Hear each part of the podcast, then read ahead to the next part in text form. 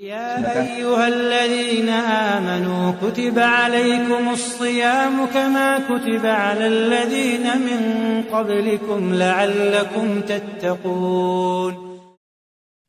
بسم الله الرحمن الرحيم السلام عليكم ورحمة الله وبركاته الحمد لله رب العالمين والصلاة والسلام على إمام المتقين سيد المرسلين المبعوث رحمة للعالمين Asyhadu an la ilaha illallah wahdahu la syarikalah wa asyhadu anna Muhammadan abduhu wa rasuluh. Subhanaka la ilma lana illa ma 'allamtana innaka antal alimul hakim wa la haula wa la quwwata illa billahil aliyil azim. Hadirin rahimakumullah peserta kurma ya.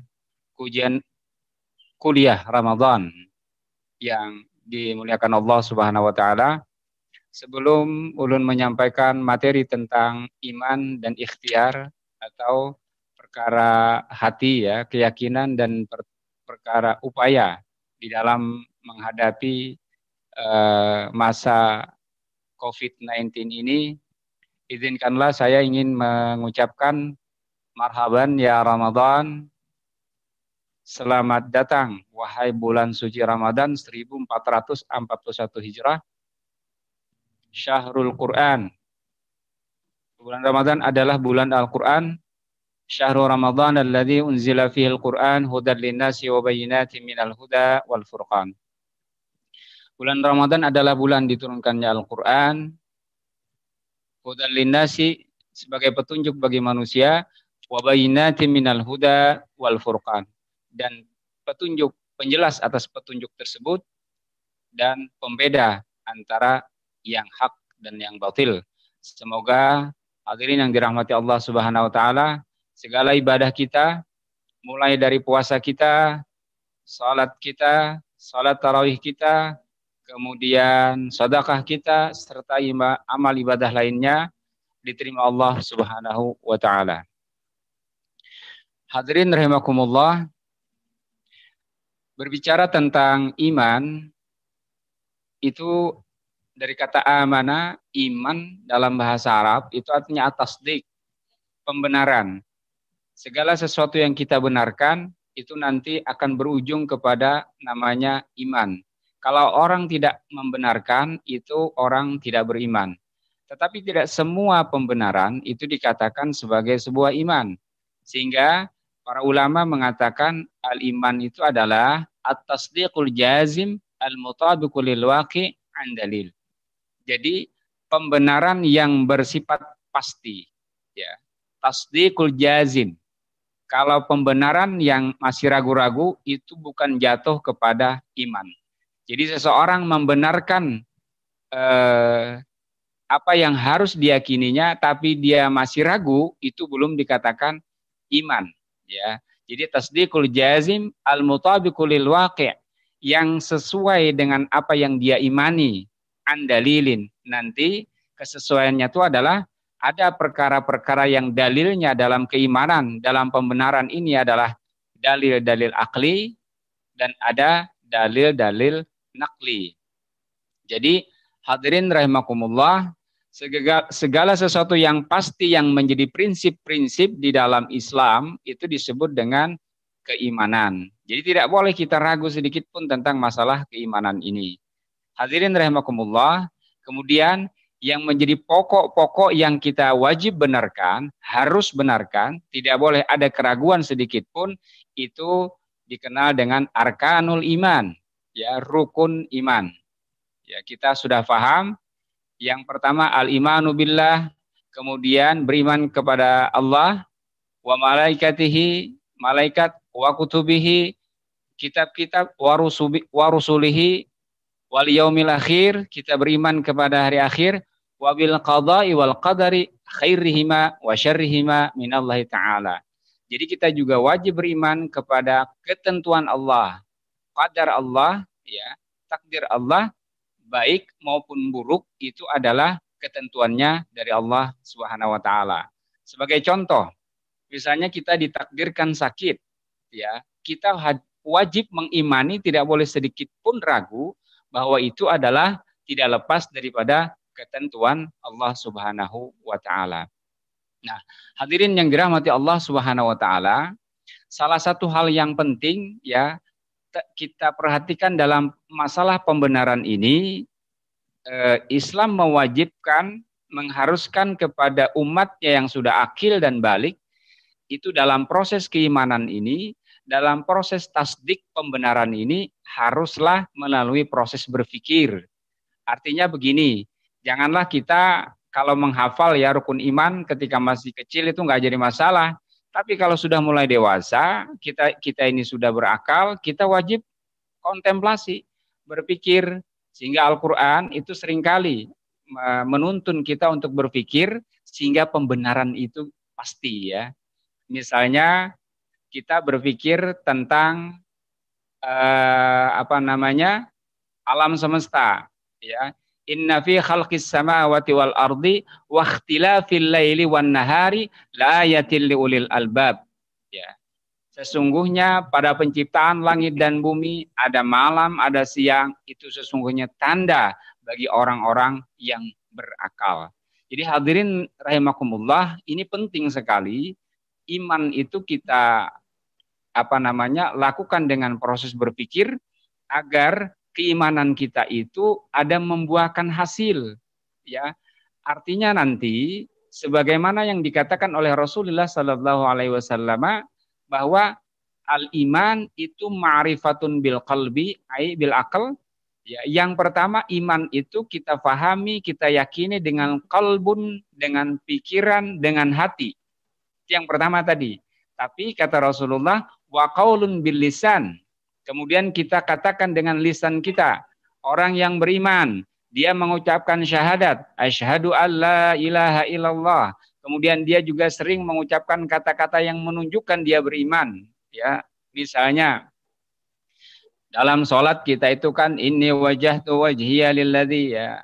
Uh, sesungguhnya uh, inna salati wa nusuki wa mahyaya wa mamati lillahi rabbil alamin. Itu kan sumpah-sumpah kita kata-kata kita yang menunjukkan kita tuh telah beriman kepada Allah Subhanahu wa taala. Nah, yang berikutnya adalah karena proses berpikir tadi, kita mikir begitu ya, kita beriman kepada Allah dan amal pun adalah kita lakukan. Jadi perkara keimanan, produktivitas keimanan yang berikutnya setelah kita yakin tadi ya dengan hati, dengan kalbu, dengan pikiran, kita kaulkan, kita katakan dengan uh, apa namanya mulut kita dan kita amalkan dengan arkan kita. Hadirin rahimakumullah, ini penting sekali agar apa? Agar seorang mukmin yang dia mengaku beriman itu kelakuannya di dalam kehidupan itu sesuai dengan apa-apa yang dia yakini tadi, dia imani tadi. Misalnya, dia percaya kepada Allah, dia percaya kepada malaikat, dia yakin bahwa malaikat itu senantiasa mengawasi perbuatannya. Dia meyakini betul tanpa ada keraguan bahwa dia akan mati. Dia akan mempertanggungjawabkan semua perbuatannya sehingga dia akan berhati-hati dalam hidup itu. Ya, mana halal, mana haram, ya akan diperhatikan. Tetapi kalau kaum muslimin tidak pernah berpikir tentang tentang selama ini apa yang dia benarkan, itu kadang-kadang dalam hidupnya terbawa. Seperti remaja-remaja kita, kadang-kadang dia terbawa kondisi apa yang ada sekarang. Ya, bagaimana tren sekarang? Apakah itu sesuai dengan apa yang diyakini? Apakah itu sesuai dengan keimanan dia sebagai seorang mukmin? Itu kadang-kadang tidak nyambung. Karena apa? Karena tidak ada proses berpikir. Hadirin rahimakumullah, kalau kita kaitkan dengan COVID-19 ini pun ada perkara keimanan dan ada perkara ikhtiar yang harus kita lakukan. Pertama, perkara keimanan kita yakin 100% bahwa adanya wabah ini, adanya COVID-19 ini merupakan bagian daripada cobaan Allah Subhanahu wa taala. Ini merupakan bagian ujian dari Allah Subhanahu wa taala bahwa COVID-19 dia adalah merupakan tentara dari Allah Subhanahu wa taala tusibu man tasya wa tasrifu an man tasya. Dia akan mengenai seseorang ya dengan kehendak Allah dan dia pun tidak akan mengenai seseorang itu atas kehendak Allah Subhanahu wa taala. Itu yang terpatri dari keimanan kita. Jadi sehingga sebagai seorang mukmin yang beriman kepada Allah, uh, dia tidak terlalu khawatir, dia tidak terlalu mensekapi dengan hal yang terlalu menakutkan karena dia yakin ya bahwa segala sesuatunya tidak akan terjadi kecuali dengan izin Allah Subhanahu wa taala. Bahkan dengan keyakinan seperti itu, dengan prinsip seperti itu akan menghasilkan sebuah sikap yang benar. Dia akan banyak bertobat kepada Allah Subhanahu wa taala. Dia akan banyak istighfar kepada Allah Subhanahu wa taala, tidak kalang kabut. Nah, ini sikap yang pertama, sikap keimanan. Namun yang kedua, Eh, bahwa kita memang hanya takut kepada Allah, tidak tidak takut kepada COVID-19 karena COVID-19 adalah makhluk yang dikendalikan Allah Subhanahu wa taala. Namun secara ikhtiar, ya Rasulullah juga mengajarkan kepada kita untuk berikhtiar menghindari ya adanya apa namanya penyebaran virus ini. Jadi salah kalau kita mengatakan saya ini tidak takut kepada COVID-19 ya. Itu keyakinan saya sehingga saya istilahnya terserah saja uh, bagaimana Allah. Ini adalah uh, apa namanya? sikap yang tidak benar karena Rasulullah wasallam juga di sisi lain dari ikhtiar mengajarkan kepada kita agar kita menghindari terjadinya penyebaran taun ya dalam bahasa Arabnya. Rasulullah SAW bersabda, "Idza sami'tum bi ta'un bi ardin fala tadkhuluha." Apabila kalian mendengar ta'un wabah ya pandemi suatu daerah, ada pandemi, jangan kita masuk. Nah, ini kan salah satu ikhtiar. Ya, bukan kita dalam kapasitas keyakinan tadi bahwa ah saya misalnya masuk aja, wong Allah yang menentukan hidup dan mati ini tidak pas, tidak sesuai dengan ikhtiar. Karena Rasulullah SAW mengajarkan fala tadkhuluha wa idza waqa'a fi radin apabila suatu wabah itu terjadi suatu bagian belahan bumi wa antum biha dan kalian berada di sana fala takhruju minha. Kemudian kalian jangan keluar. Ini bahasa sekarangnya adalah isolasi ya. Nah jangan misalnya apa? Kalau misalnya ya Allah mentakdirkan kita itu kena COVID-19 ya atau misalnya istilah sekarang ODP janganlah kita mengatakan aku ini sehat benar ya. Anak mati aku juga nah itu salah. Karena apa? Karena sikap tersebut adalah dibimbing Rasul bukan seperti itu. Sikapnya adalah kita menghindari pandemi itu. Ya kalau misalnya virus itu kurang lebih dia 14 hari dia aman ya maka kita melakukan karantina pribadi misalnya se, apa namanya selama 14 hari tersebut. Jadi eh, saudara Pak Yogi bahwa itulah sesungguhnya yang diajarkan Islam. Kita yakin bahwasanya uh, COVID ini adalah makhluk Allah. Ya, kematian tidak akan datang kecuali karena Allah. Namun di, di sisi ikhtiar kita wajib melakukan upaya-upaya agar kita terhindar dari penyakit tersebut. Keyakinan adalah menjadi prinsip kita, syariat itu adalah menjadi tuntunan yang diajarkan oleh baginda Rasulullah Sallallahu Alaihi Wasallam. Mungkin demikian pengantar dari Ulun ya. Kalau memang ada yang kita diskusikan, kita diskusikan. Terima kasih.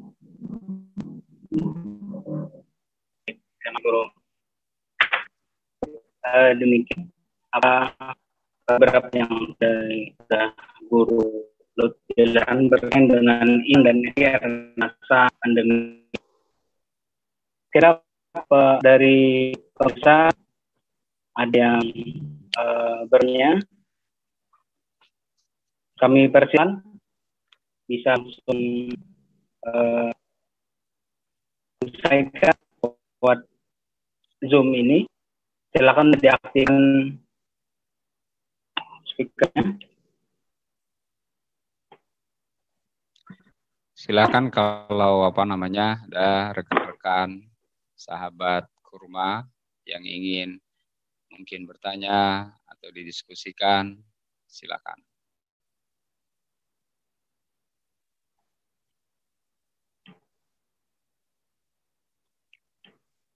Baik. Ada ingin ya silakan disampaikan.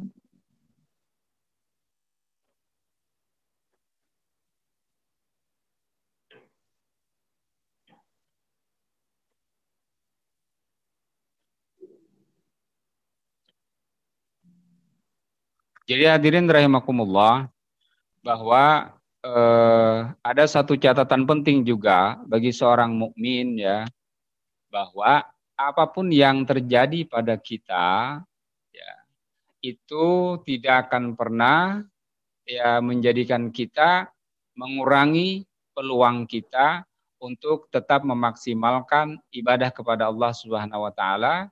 Ya terlebih hadirin rahimakumullah ini sebentar lagi kita bulan Ramadan ya uh, ada sedikit memang yang berbeda pada kondisi Ramadan kali ini.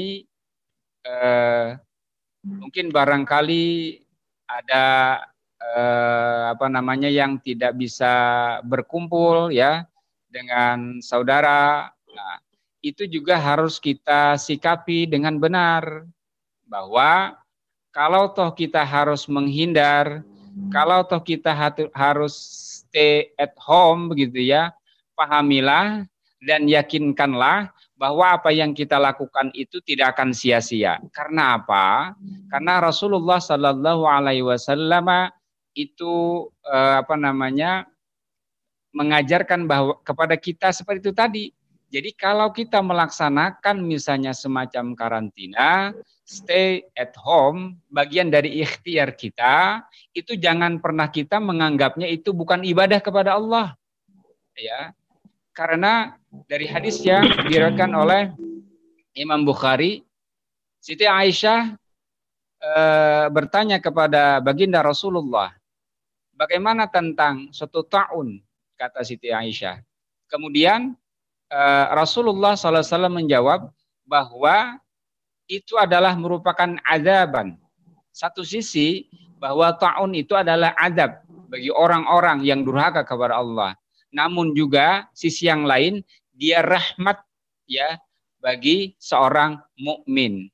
Bahkan dilanjutkan dalam hadis tersebut, apabila seorang laki-laki atau seorang perempuan dia terkena taun, terkena COVID-19 ini, ya, kemudian dia tinggal di rumah, ya, kemudian dia bersabar, wa ya'lamuna annahu min rabbihi dan dia betul-betul meyakini bahwa itu adalah ketentuan dari Robnya.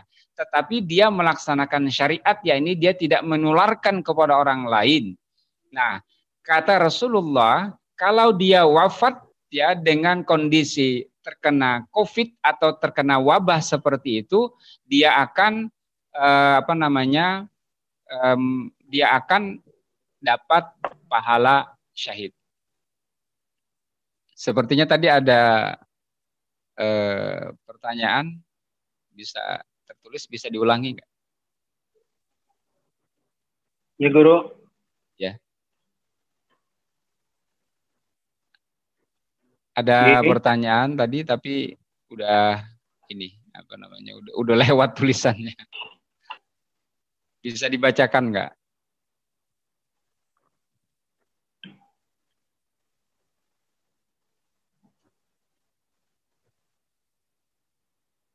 Jadi artinya eh, kita kalaupun ya saudara-saudara kita atau kita kena wabah ini ini sesuatu yang bukan merupakan aib ya, bukan merupakan sesuatu yang eh, rugi dalam artian itu adalah sudah kehendak Allah Subhanahu wa taala. Kalau kita sudah menghindar, kalau kita sudah ikhtiar, ya kita bersabar, Ya, dan dan tidak perlu juga suatu ketika masyarakat itu kalau terkena COVID misalnya dia dikucilkan. Ya. Nah, dia istilahnya melakukan uh, isolasi sesuai dengan yang disyariatkan oleh Allah Subhanahu wa taala dan rasulnya. Tidak perlu misalnya orang itu kemudian selamanya tidak didekati begitu, tidak demikian.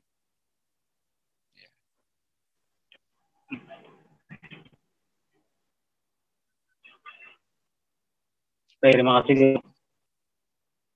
Ya.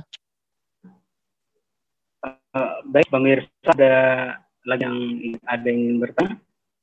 Kami silakan. Tadi tidak bisa diulang ya pertanyaannya ya. ada di layar tadi apa pertanyaan eh, tulisan ya.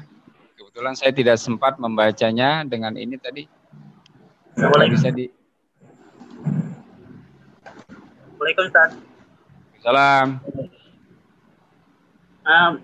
Memperjelas pertanyaan. Uh, saya silakan.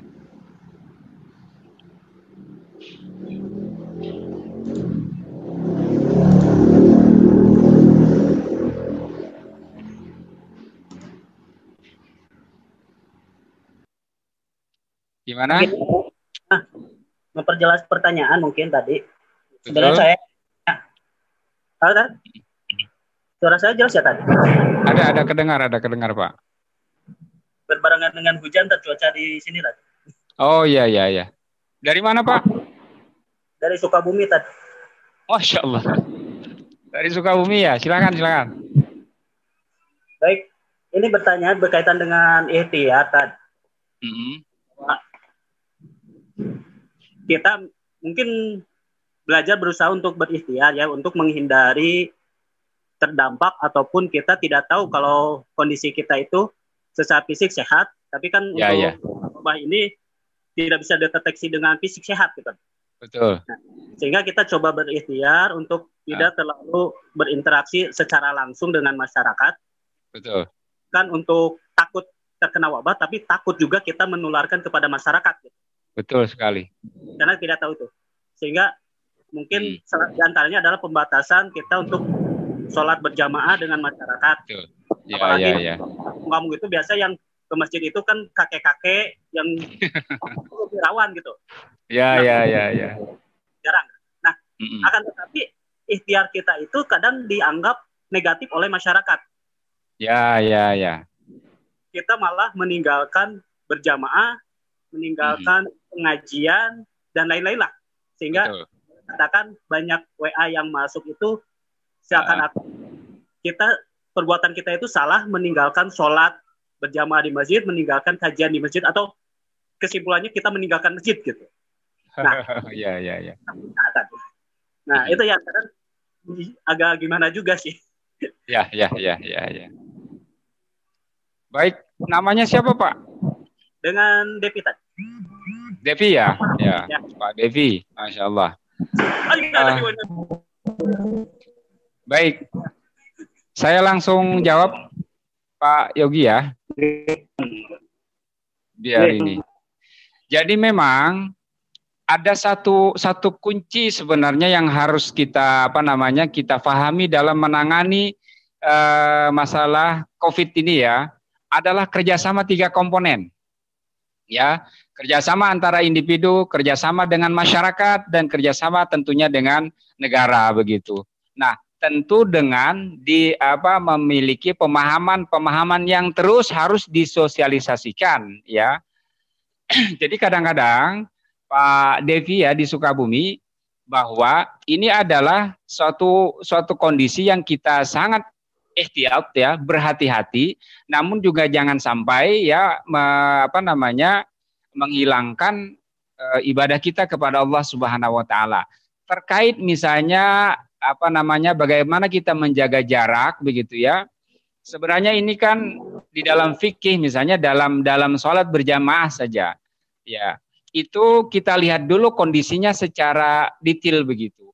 Kalau suatu daerah itu misalnya memang e, sangat merah begitu ya, ya sangat beresiko untuk beberapa saat saya kira itu bisa saja dihentikan sholat berjamaah.